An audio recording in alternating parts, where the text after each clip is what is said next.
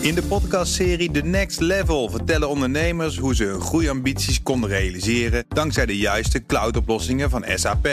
Wat waren de uitdagingen, de oplossingen en hoe ging de uiteindelijke implementatie? Benieuwd naar hun verhalen en hoe zij met behulp van SAP ook hun toekomstige ambities kunnen behalen? Luister de podcast The Next Level via de BNR-app of je favoriete podcast-app. Scherp. BNR Nieuwsradio. Eye-openers. Nina van den Dungen. Het 5G-netwerk heeft op zijn zachtst gezegd een rumoerige start gehad. Denk aan de 5G-masten die in de hens werden gezet en de antennes uit China die we in de band deden. Er is kortom nogal wat wantrouwen. Voor mijn gevoel hebben we voor 5G alleen nog maar de preview gezien. En moeten echt de film nog, uh, nog gaan spelen. 5G deed ons grote beloftes. Bijvoorbeeld onderling communicerende slimme auto's. Of operaties in ziekenhuizen op afstand. Maar het is allemaal nog niet waargemaakt. Toch staat er heel wat op stapel. Binnen uh, twee jaar zullen dit soort toepassingen al op de markt kunnen komen. Maar we wachten nog steeds op de beschikbaarheid van echt snelle 5G-frequenties. Wanneer zijn die er? En wat heeft een VR-handschoen met 5G te maken? Gisteren is bijvoorbeeld NASA bij ons geweest. Die heeft uh, twee uh, handschoenen gekocht voor astronauttraining. Mijn naam is Nina van den Dungen en welkom bij BNR Eye Openers. Supersnel internet met een hele lage vertraging. En uh, uh, een verbinding waar uh, heel veel apparaten tegelijkertijd met elkaar kunnen communiceren. Dat zijn de beloftes van 5G, zegt Bas Piek. Hij is commercieel directeur bij MCS Benelux. En Bas legt zelf goed uit wat ze doen. Wij zijn een value-added distributeur van privé-netwerken en van managed IoT-oplossingen. Ja, en dat betekent dus eigenlijk dat als ik een bedrijf ben en ik wil een, een eigen privaat netwerk van 5G, kan ik dat al bij jullie afnemen? Ja, dat kan wel. Alleen je hebt nog uh, een uh, licentie nodig om dat te kunnen gebruiken. En uh, die licenties die moeten nog formeel geveild worden. Dus voor testen is dat wel al mogelijk. Maar weer het commercieel uitnutten, dan moet je nog even wachten tot eind volgend jaar. En dan begint eigenlijk het traject, de procedure, dat je ook privé-spectrum kunt aan gaan vragen als bedrijf. Waarom zou je dat willen? Ja, dat is een goede vraag. Ehm, wij zitten vooral aan de industriële kant van 5G. Um, en dat betekent dat um, uh, je eigenlijk je hele bedrijfsprocessen op een eigen privé 5G-netwerk kunt gaan uitrusten. En daarmee kun je het super betrouwbaar maken. Dus als een netwerk business critical of zelfs mission critical moet zijn. Uh, bedrijfsgeheimen. Bedrijfsgeheimen, dus uh, aan, de, aan de security kant, maar voornamelijk ook de voorspelbaarheid van het netwerk. Net, het netwerk moet het altijd doen. Ja. Op het moment dat jouw fabriek of een logistieke operatie Ziekenhuizen. een netwerk, een ziekenhuis, ziekenhuizen, logistiek en uh, maar bijvoorbeeld ook overheidsinstanties. Ja? Als het netwerk het altijd moet doen, dan is 5G eigenlijk een perfect medium om je operatie op te draaien. 5G is nu al beschikbaar voor smartphones op een lagere 700 MHz frequentie. Maar dat is niet de 5G waar Bas het over heeft. De echte innovatie zit in de 5G-frequentie van 3,5 gigahertz. Maar die frequentie is nog niet beschikbaar. En hoe komt dat? We hebben een beetje pech gehad. Uh, nou, de overheid heeft, uh, uh, als ik het zo mag zeggen, zich een beetje misregend op één partij, een hele belangrijke partij, die nog in het spectrum zit, wat geveild moet worden. dat is Inmarsat. Dat is een satellietpartij die in, in Noord-Nederland een aantal satellietopstellingen heeft staan, waar onder andere voor de zeevaart noodfrequenties op ondersteund kunnen worden. Mm-hmm. ja, en die partij heeft naar hun eigen inzicht te weinig tijd gehad om te verhuizen naar een ander stuk van het spectrum. Ja. En dat hebben zij, zij hebben gelijk gekregen bij de voorzieningsrechter. En daardoor heeft de overheid de veilingen uit moeten stellen. Ja, en is dat dan ook die kritische 3,5 gigahertz frequentie? Ja, daar zit die precies daar middenin. Daar zit de maritieme communicatie Onder andere een stukje maritieme communicatie en andere noodcommunicatie. Was dus het niet heel ook um, militaire communicatie? Dus, dus inlichtingen, dat daar ook wat, wat geheime diensten zich op bevinden, op die 3,5 gigahertz? Dat durf ik niet te zeggen. Dat zou zomaar kunnen. Um, maar Defensie zit daar wel in de buurt met dat spectrum. Maar naar mijn weten uh, niet in die 3,5 gigahertz. Het ging met name om de, uh, in ieder geval de laatste overgebleven partij... Mm -hmm. waarvan de overheid had verwacht dat die verhuisd was. Die was nog niet verhuisd. En uh, ja, die moet nu nog de tijd krijgen om de operatie naar een ander land in Europa te verplaatsen. Ja, want die frequenties, dat moet je misschien ook nog even uitleggen... dat werkt dus op basis van locatie, op basis van land. En wij als Nederland, om 5G te kunnen implementeren, hebben bijvoorbeeld die 3,5 gigahertz frequentie nodig. Ja, klopt. Ja, en dat is wel Europees bepaald. Uh, dus er is wel een standaard waarin 5G uh, opereert. En voor Nederland hebben wij een stukje bandbreedte bepaald tussen de 3400 en de 3800 megahertz. En daar worden straks de, ja, gaan de veilingen voor plaatsvinden, zodat de mobiele operators uh, 5G kunnen gaan uitrollen. Maar heel belangrijk in deze, het voornemen van economische zaken is dat er ook een stukje spectrum komt voor private doeleinden voor industriële partijen. Ja, waarbij dus moet waar jij dus op zit met je bedrijf ook. Ja, klopt. Wat voor uh, bedrijven hebben er interesse in, in zo'n privé-netwerk van 5G? Um, ja, dat gaat heel breed. Um, maar partijen die zich nu ook hard maken om dat privé-spectrum uh, beschikbaar te krijgen, moet je denken aan partijen als Schiphol, uh, maar ook het havenbedrijf Rotterdam. Uh, dus eigenlijk alle grote industriële partijen in Het zijn Nederland. redelijk cruciale processen hè, op, op dat soort bedrijven. Schiphol, ja. haven. Klopt. Maar ziekenhuizen dus ook? Of, of uh, hebben die hier nog wat minder kennis van? Ja, ziekenhuizen zijn daar wel mee bezig. Maar ik denk dat die volgen op het moment dat de, dat de standaard zich bewezen heeft. Zijn niet de early adapters? Nee, nee de early adapters zitten echt in het, uh, in het havenbedrijf Schiphol en andere grote industriële partijen. Ja, en die willen dus uh, helemaal hun eigen netwerk hebben. Hebben ze dat nu bijvoorbeeld wel met 4G? Een aantal wel. Of een aantal bedrijven waar zij mee werken. En, uh, ja, en 5G geeft nu gewoon veel meer mogelijkheden om hun uh, processen op te, te, kunnen opereren. Ja, en dan nog even voor 5G voor het grote publiek. Um, veel telefoonabonnementen, die worden eigenlijk nu al verkocht met... Kijk, uh, hier heb je een telefoon en kijk, er staat al 5G bovenin. Ja, en dat klopt ook. Ja, maar er gebeurt nog niks, want het is nog niet operationeel. Ja, dat is wel 5G. Um, ik, ik, noem dat een beetje commercieel 5G. Dus voor de consument is dat, is dat echt wel het 5G wat de operatoren beloven. Alleen wij focussen heel erg op de industriële kant van 5G. Mhm. Mm. En daarbij uh, het grote verschil is eigenlijk dat het nog sneller is. En dat met name de vertraging, praat je eigenlijk over milliseconden, waarbij het device wat je op zo'n 5G-netwerk hebt en de verbinding die die maakt met bijvoorbeeld een datacenter, dat dat milliseconden vertraging heeft. Waardoor je heel snel uh, ja, processen kunt laten opereren. Maar dus dit betekent, zodra 5G uh, echt uitgerold is en, en de grote industrie hier ook mee aan de slag kan, Gaan we dan een enorme technologische vooruitgang zien? Dat is wel de verwachting. Uh, en dat is ook een beetje de hoop. Um, maar dat zijn we eigenlijk op dit moment heel uitvoerig nog aan het testen. Dus in het, uh, wij zijn ook onderdeel van het Do IT Field Lab met TU Delft en met uh, TNO en met Surf en nog een aantal andere partijen. En daar testen we eigenlijk op dit moment toepassingen om te kijken welke industriële revolutie er kan gaan plaatsvinden op het moment dat die 5G-frequenties beschikbaar zijn. Ja, en er zitten wel heel veelbelovende toepassingen tussen. En over die veelbelovende projecten kan Lenneke de Voogd meer vertellen. Zij is programmamanager bij het Duo IoT Field Lab. Ja, DoIT Field Lab staat ook voor Delft on Internet of Things inderdaad. Um, het is een field lab op de TU Delft Campus voor onderzoek en innovatie op het gebied van 5G en IoT.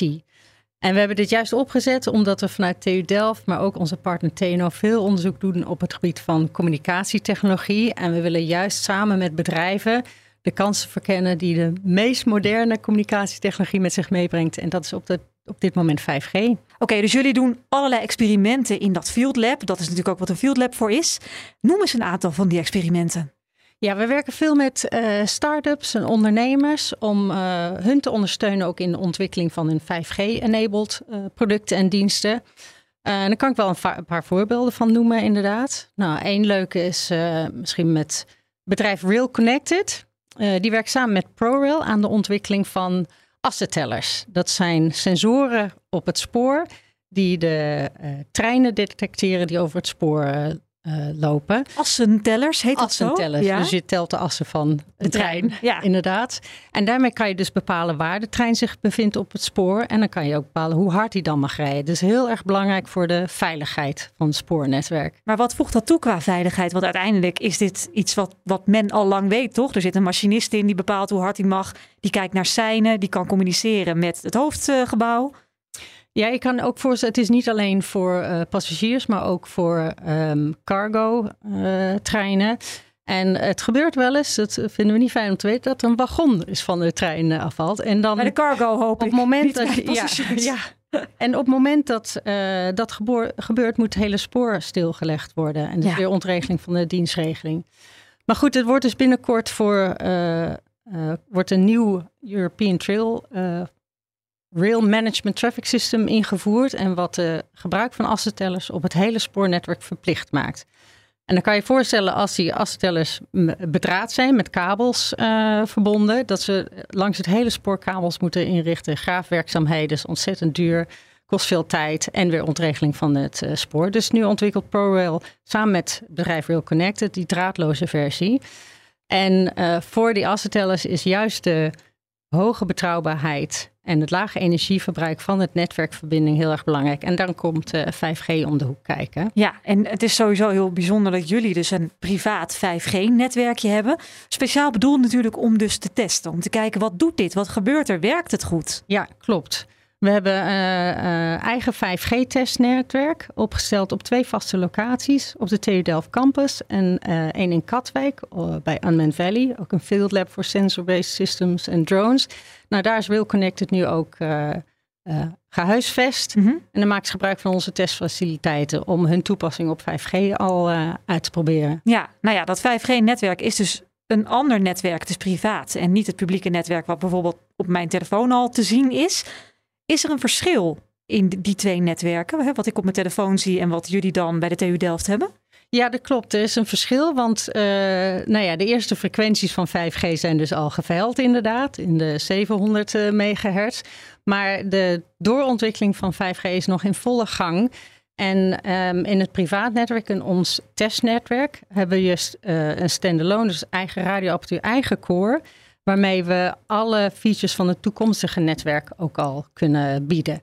En ook gebruik van de frequenties die nog niet geveild zijn. Dus we hebben echt een testomgeving, testnetwerk voor bedrijven om met het netwerk van de toekomst te experimenteren. En geef nog eens meer voorbeelden van die features die bedrijven dan allemaal kunnen gaan toepassen zodra 5G er is. Ja, een hele um, aansprekende is de lage latency, dus zeer korte reactietijden van 5G die nodig zijn voor onder andere echte haptische tactile feedback. Dat je real-time. Ja, dat uh, misschien kan ik dat aan de hand van een voorbeeld vertellen. Uh, we zijn bezig met een uh, project met een aantal bedrijven om een virtuele omgeving te kunnen te bouwen. te realiseren, mm -hmm. te mhm. bouwen, waarin een cursist dus een aantal handelingen kan oefenen. Um, bijvoorbeeld op een fabriek te monteren of laswerkzaamheden of zo. Nou, daarvoor werken we samen met het bedrijf SenseGlove. Die heeft ook uh, een handschoen ontwikkeld, waarmee je dus een soort robothandschoen, waarmee je echt kan voelen of je iets aanraakt in een virtuele omgeving. Ja, dus je raakt het niet echt aan, maar, maar je voelt ja, het je wel. voelt dat. Ja, en daarvoor heb je ook hele korte reactietijden van het netwerk nodig, van het mobiele netwerk, om real-time te kunnen voelen. Als, je, uh, als daar een vertraging in zit, dan grijp je mis. Ja, bijvoorbeeld. dat is heel, heel gek, voelt dat ja. dan natuurlijk. Want dan zie je dat je iets pakt en je voelt het pas twee seconden later. Ja. Dus dat is iets wat 5G uh, kan bewerkstelligen. Dat ik het acuut voel zodra ik het virtueel aanraak. Ja. En dat virtuele voelen, dat wil ik natuurlijk wel graag uittesten. Daarom hebben we oprichter en CEO Gijs den Butter te gast in de studio. Hij heeft een setje handschoenen mee en legt eerst even uit hoe het werkt. Dit ding dat neemt ten eerste jouw bewegingen op in de virtuele wereld. Dus hij neemt exact je handbewegingen op. En het geeft jou twee vormen van feedback als je in die virtuele wereld interacteert. Namelijk, het geeft je een beetje tegendruk op je vingers. Zo kan je dingen in eenzelfde manier vastpakken als in het echt. Of dan zeg maar, krijg je je vingers het gevoel, ik heb iets vast. En het geeft je trilfeedback. Dus bijvoorbeeld als je het knopje van zo'n boor indrukt, dan voel je die boor in je hand trillen en dan weet je, die boor staat aan. Als je dan het schroefje aanraakt, dan krijg je een andere type trilling, zodat je weet, hé, hey, nu heeft die boor uh, contact met het schroefje. Uh, en dat leert jou eigenlijk om die interactie in de virtuele wereld te doen zoals je dat ook in het echt doet. Want de huidige interactie in de virtuele wereld is dat je een controller hebt, druk je op een knopje en dan speelt er eigenlijk een filmpje af. Ja. Met deze handschoen ja, moet je echt alle interacties doen zoals je dat in het echt ook zou moeten doen. En waarom is dit dan beter dan gewoon een stage lopen bij een bedrijf waar je het echt leert? Nou, niks, is, nou, niks is beter dan het echt, om het zo maar te zeggen. Maar dit maakt jou uh, mogelijk om dat onafhankelijk te doen van tijd, locatie. Dit kan je gewoon vanuit je woonkamer doen. Dan kan, kan je vanuit je woonkamer leren hoe je een CNC-vrees moet instellen. Terwijl ja, uh, niet iedereen heeft een CNC-vrees in zijn woonkamer. Nee, nee, nee. En je kan het dus ook op het moment dat het jou uitkomt, kan je het gaan oefenen. Precies. En niet één keer, maar duizend keer. En ook met wie je maar wilt. Want nou ja, je kan, je hebt tegenwoordig het buzzword de metaverse, oftewel een multiplayer VR-omgeving. Nou ja, als jij een vriendje hebt die in Los Angeles zit, die kan op hetzelfde moment in dezelfde virtuele wereld samen met jou leren hoe je die CNC-vrees moet gaan instellen. Ja, ik heb nu een VR-bril op, uh, maar niet zo'n zo'n lullige die, die veel mensen wel kennen. Dit is wel een serieus ding, toch? Ja, dit is uh, wat je nu op hebt, is van HTC en dat is het laatste model, de Vive Focus 3. Ja. En dat is bedoeld ja, voor professional VR-trainingen. Kost? Kost 1300 euro. 1300 euro. En dan heb ik twee handschoenen aan, links en rechts. Zijn echt gewoon een soort winterhandschoenen. Maar dan met een bijna een soort dino-klauw erop. Een soort uh, exoskelethand. Ja, in principe is het een exoskelet. En een muis. Uh, en een muis, ja. Het is eigenlijk gewoon een robotje die uh, ja, vier armen heeft. Namelijk je duim, wijsvinger, middelvinger en ringvinger. Ja, mijn pink niet. Je pink niet. Die mag niet meedoen. Nee, die mag niet meedoen. Oh. Nee, de, we hadden eerst een model die ook de pink had. Ja. En toen hebben we gewoon op een paar beurzen de pink uitgezet. En niemand die er iets van merkte. Dus ze dachten, nou, geld Lekker goedkoop, ja precies. Uh, gewichtsbesparing, we doen de pink maar niet. Ik krijg een VR-bril op en begeef me daarna in een ruimtestation waar ik het een en ander kapot gemaakt schijn te hebben. En aangezien ik de enige ben in dat ruimtestation, moet ik het dus ook zelf zien te repareren. Ja? En als het goed is, zie je aan de rechterkant van je een boor. Ja, een Bosch. Een echte Bosch, ja. Mhm. En als je met je wijsvinger op het knopje drukt, dan gaat de Oh, boor aan. Ik moet hem even pakken. Oh, nu zit ik volgens mij zit ik nou tegen de tafel? Tegen onze studiotafel? Ik heb hem. En als je nu met je wijsvinger op het knopje drukt, dan gaat de boor aan. Oh, wow, dit is heftig. En dat voel je dus in je hele hand trillen. Ja. Het voelt alsof ik een echte boor in mijn hand heb. Klopt. En als je nu het schroefje eh, aan de linkerkant losmaakt, Ja? dan krijg je ook een andere trilling. Ja. Dan zie je, voel je, zie je ook het schroefje naar buiten komen dat die... eh, ik heb een schroefje eruit en ik moet er nog één uithalen. Je zie moet er nog eentje uithalen. Ja, die andere is er ook uit. Nou, dan kan je met je linkerhand de eh, doos openmaken die aan het roken is. Ja, precies. Gaat hier wel van alles stuk. Ja, Ja. En dan kan je de middelste fuse eruit halen, maar het is een soort reageerbuis die ik eruit moet trekken. Oké, die heb ik hier. Hé, hey, er staat er nog één op mijn bureau ja, ineens. dat is de nieuwe. Die, kan Die je moet er erin. Die moet, kan je er weer inzetten. Ja, gelukt. En dan kan je hem aan de, aan de rechterkant waar je de boor vandaan hebt, zie je weer een lasapparaat. Ja, En dan kan je de onderkant van eh, nou, die fuse vast. ik ga hem lassen. Ja. Oké, wacht. En dat trilt ook weer. Ik zie vonken Ja, en hij zit vast. top. Ik Nou, heb gewonnen. dat was het. Dit was mijn, eh, Dit was mijn space experience. Dit was je astronautentraining. Oké, ehm, even evalueren. Dit eh, voelde op bepaalde momenten best echt. Ehm, bijvoorbeeld op het moment dat ik die boorknop indruk, dan gaat echt mijn hele hand trillen als een boorervaring. Maar als ik de boor oppakte, dan voelde ik in eerste instantie eigenlijk niks. Dus daar zit nog een soort vertraging. Je voelt eigenlijk wat je voelt is een klein beetje tegendruk op je vingers. En jij hebt ook heel kleine handen, dus en dat, je hebt ook wat mechanische speling, omdat je nog, ja, je hebt wat maar mechanische wrijving dat je hebt, omdat je eh, niet helemaal strak de handschoenen aan hebt. Als je Nee. iets grotere handen zou hebben, dan zou je dat iets fiercer voelen. Ja, Of als je een kleiner model aan zou maar hebben. dat is dus wel de bedoeling. Dat Ja, ik, je ik, krijgt ik moet het wel voelen. In je, op je vingertoppen krijg je tegendruk. Eh, in de palm van je hand voel je nu niks. Nee, nee. Oké, maar eh, ik heb nu een fantastische handschoen in een VR-omgeving geprobeerd. Maar we hebben het hier over 5G. Waar heb jij 5G voor nodig?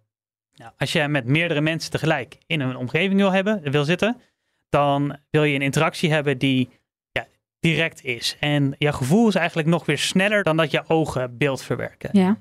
Dus eh, dat gaat zeg maar binnen 10 milliseconden.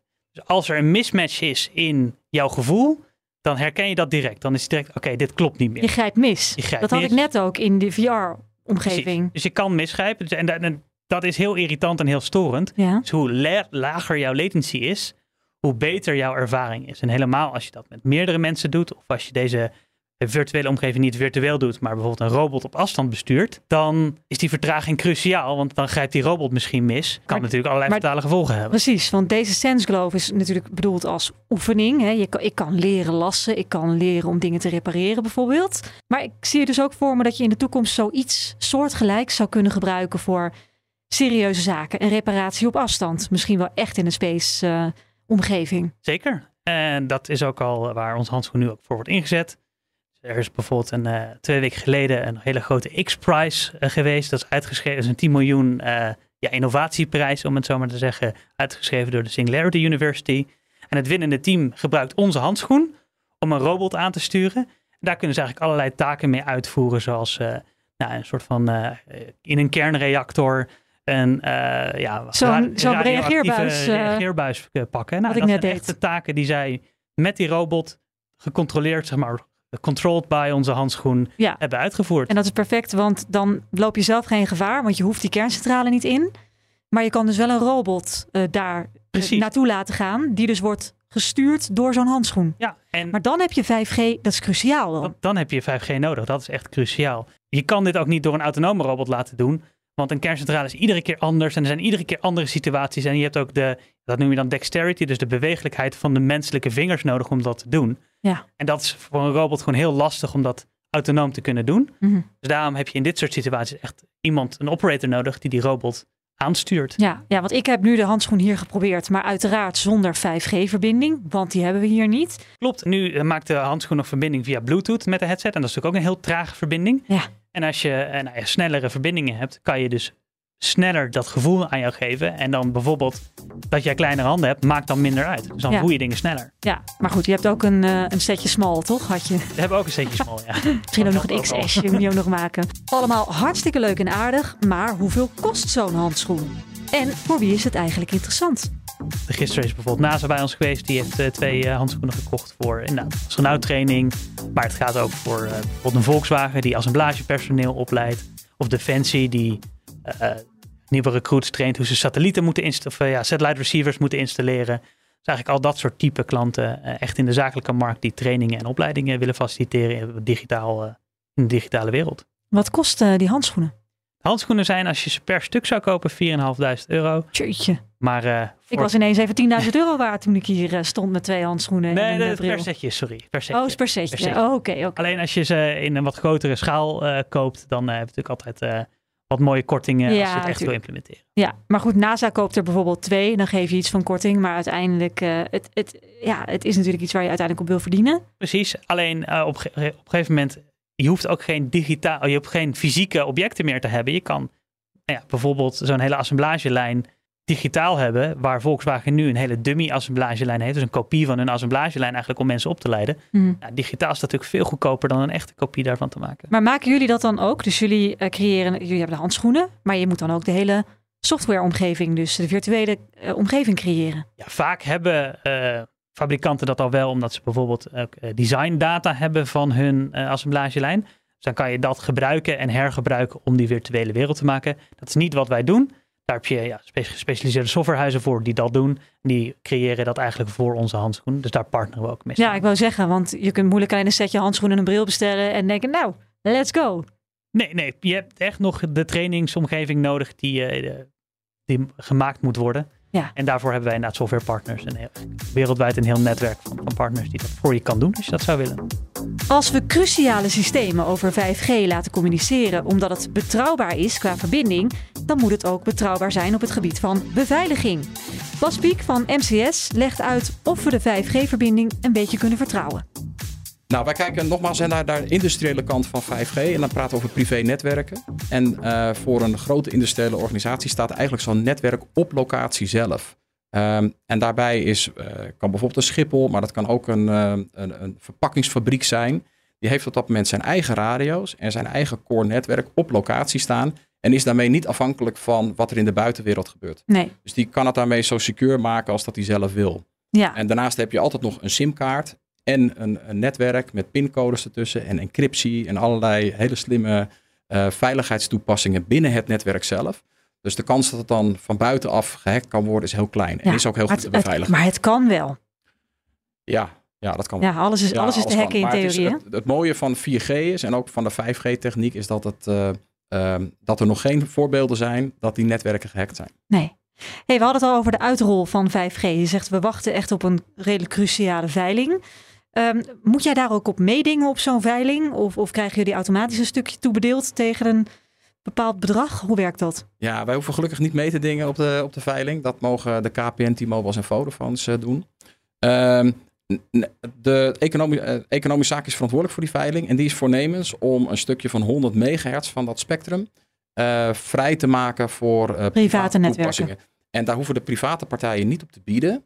Maar die moeten eigenlijk voor, eh, en dat is lokaal spectrum. Dus je moet echt denken aan een, een paar honderd meter. Of in wat grotere installaties een paar vierkante meter. Waar je heel gericht op die locatie spectrum toegewezen kan krijgen. Dat moet je aanvragen en dan moet je voldoen aan een aantal eh, voorwaarden. En eh, op het moment dat je toegewezen krijgt, ja, dan betaal je daar een, uh, een administratief bedrag voor om dat netwerk te kunnen uitnutten. Ja, maar dat is dus onder beheer, dat hele stukje van economische zaken. En dat blijft het dus ook. Ja, agentschap Telecom uh, die voert dat dan uit. Ja. maar economische zaken is de eigenaar. Ja, ja. en dat gaat volgend jaar plaatsvinden, die veiling? Ja, ik hoop het. En is het dan ook het moment dat je eigenlijk heel snel kunt gaan uitrollen als, als bedrijven en ook jullie als partij? Officieel nog niet, want er zijn nog een aantal partijen die al iets van Spectrum toegewezen hebben gekregen voor testtoepassingen. Ja. En die moeten tussen 2023 van het moment van de veiling, ergens einde van het jaar, tot naar medio 2025, 2026 allemaal verhuisd worden. En op het moment dat dat heeft plaatsgevonden, hoe sneller dat gaat, hoe sneller dan ook privé spectrum toegewezen kan worden. Ja, dus maar gaat nog hoe een snel gaat de verhuizing? Ja, ja eh, eh, ik denk dat wij houden rekening met drie jaar. Oké. Dus de verwachting is dat we eigenlijk pas richting eind 2025, begin 2026 met privé-netwerken kunnen beginnen. Geldt dat ook voor de consument? Hè? Dat ik echt duidelijk zie op mijn telefoon 5G is er en ik kan nu ontzettend snel uh, uh, VR-games spelen, et cetera? Nou, dat kan eigenlijk nu al. Maar op het moment dat je, uh, als je echt bijvoorbeeld VR-games online wil gaan spelen zonder vertraging, dan heb je die volgende stap nodig. en dat is echt die 3,5 gigahertz die geveild moet worden. Ja, en het, de consument die dat niet gebruikt, VR-games, gaat die dan wel een verschil merken op het moment dat 5G er echt is? Ik, maak me niet populair bij de mobiele operators, maar nee, die, die merken daar niet. Je gaat niet sneller uh, Netflixen. Nee. nee. Je kunt alleen wel meer met je telefoon. Het gaat allemaal wat sneller. Dus... Wat kun je dan meer met je telefoon? VR-games spelen, als je dat wil. Ja, bijvoorbeeld. bijvoorbeeld. Of een, uh, een nog snellere internetverbinding met meer capaciteit dus het hangt ook erg af van wat de telefoonfabrikanten allemaal gaan doen. En wat voor toepassingen die allemaal nog gaan, uh, extra gaan, gaan bouwen. Ja. Maar uh, de consument heeft er minder aan dan dat de industriële partijen eraan hebben. Daar zit, daar zit echt de belofte. Daar zit de winst. 5G heeft wellicht een trage start gehad, maar komend jaar zal het dan toch eindelijk echt zijn belofte waar kunnen gaan maken. Maar goed, dan komt bij mij meteen de vraag op: hoe zit het eigenlijk met 6G? Lenneke van de TU Delft is stiekem al bezig met die volgende generatie van ons netwerk.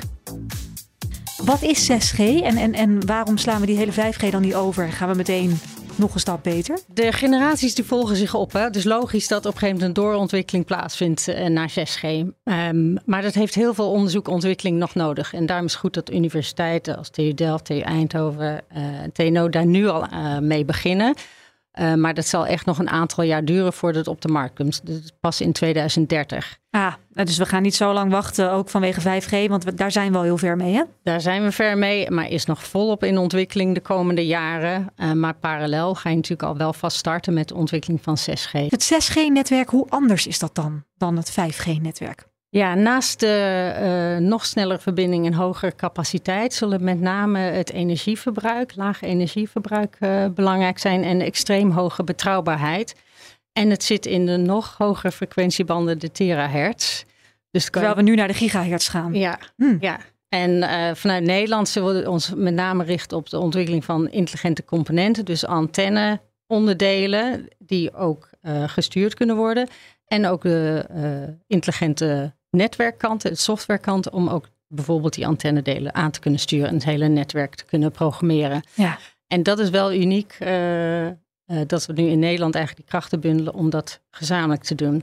En in de toepassingen zal je zien, nou bijvoorbeeld in mobiliteit, kan je voorstellen als je autonoom, echt autonoom auto's wil laten rijden in de stad, moeten ze heel goed communiceren met hun omgeving ja. om veilig te kunnen navigeren. Dus ze zullen ze heel betrouwbare netwerk uh, moeten hebben. Dat gaat dus niet op 5G. Jij zegt daar moet je echt dan naar 6G Voor een deel zou het al op 5G kunnen gaan. Maar als je het echt de snelheid wil verhogen van de auto's... en nog veiliger in interactie met voetgangers, fietsers... Uh, intelligente verkeersregelingen... dan ga je naar een hogere dichtheid van antennes nodig. Veel betrouwbaar netwerk. 6G. 6G. Ja. En jij, wat mij nog triggerde, was dat je zei lager energieverbruik. Hoe zit dat? Nou, dit is, uh, duurzaamheid is natuurlijk heel erg uh, belangrijk. En um, zullen nieuwe oplossingen ook in de software moeten creëren. Dat we veel efficiënter omgaan met onze energie. Dus ook bijvoorbeeld netwerkfuncties aanbieden alleen aan degene die daar gebruik van maken. Dus heel gericht.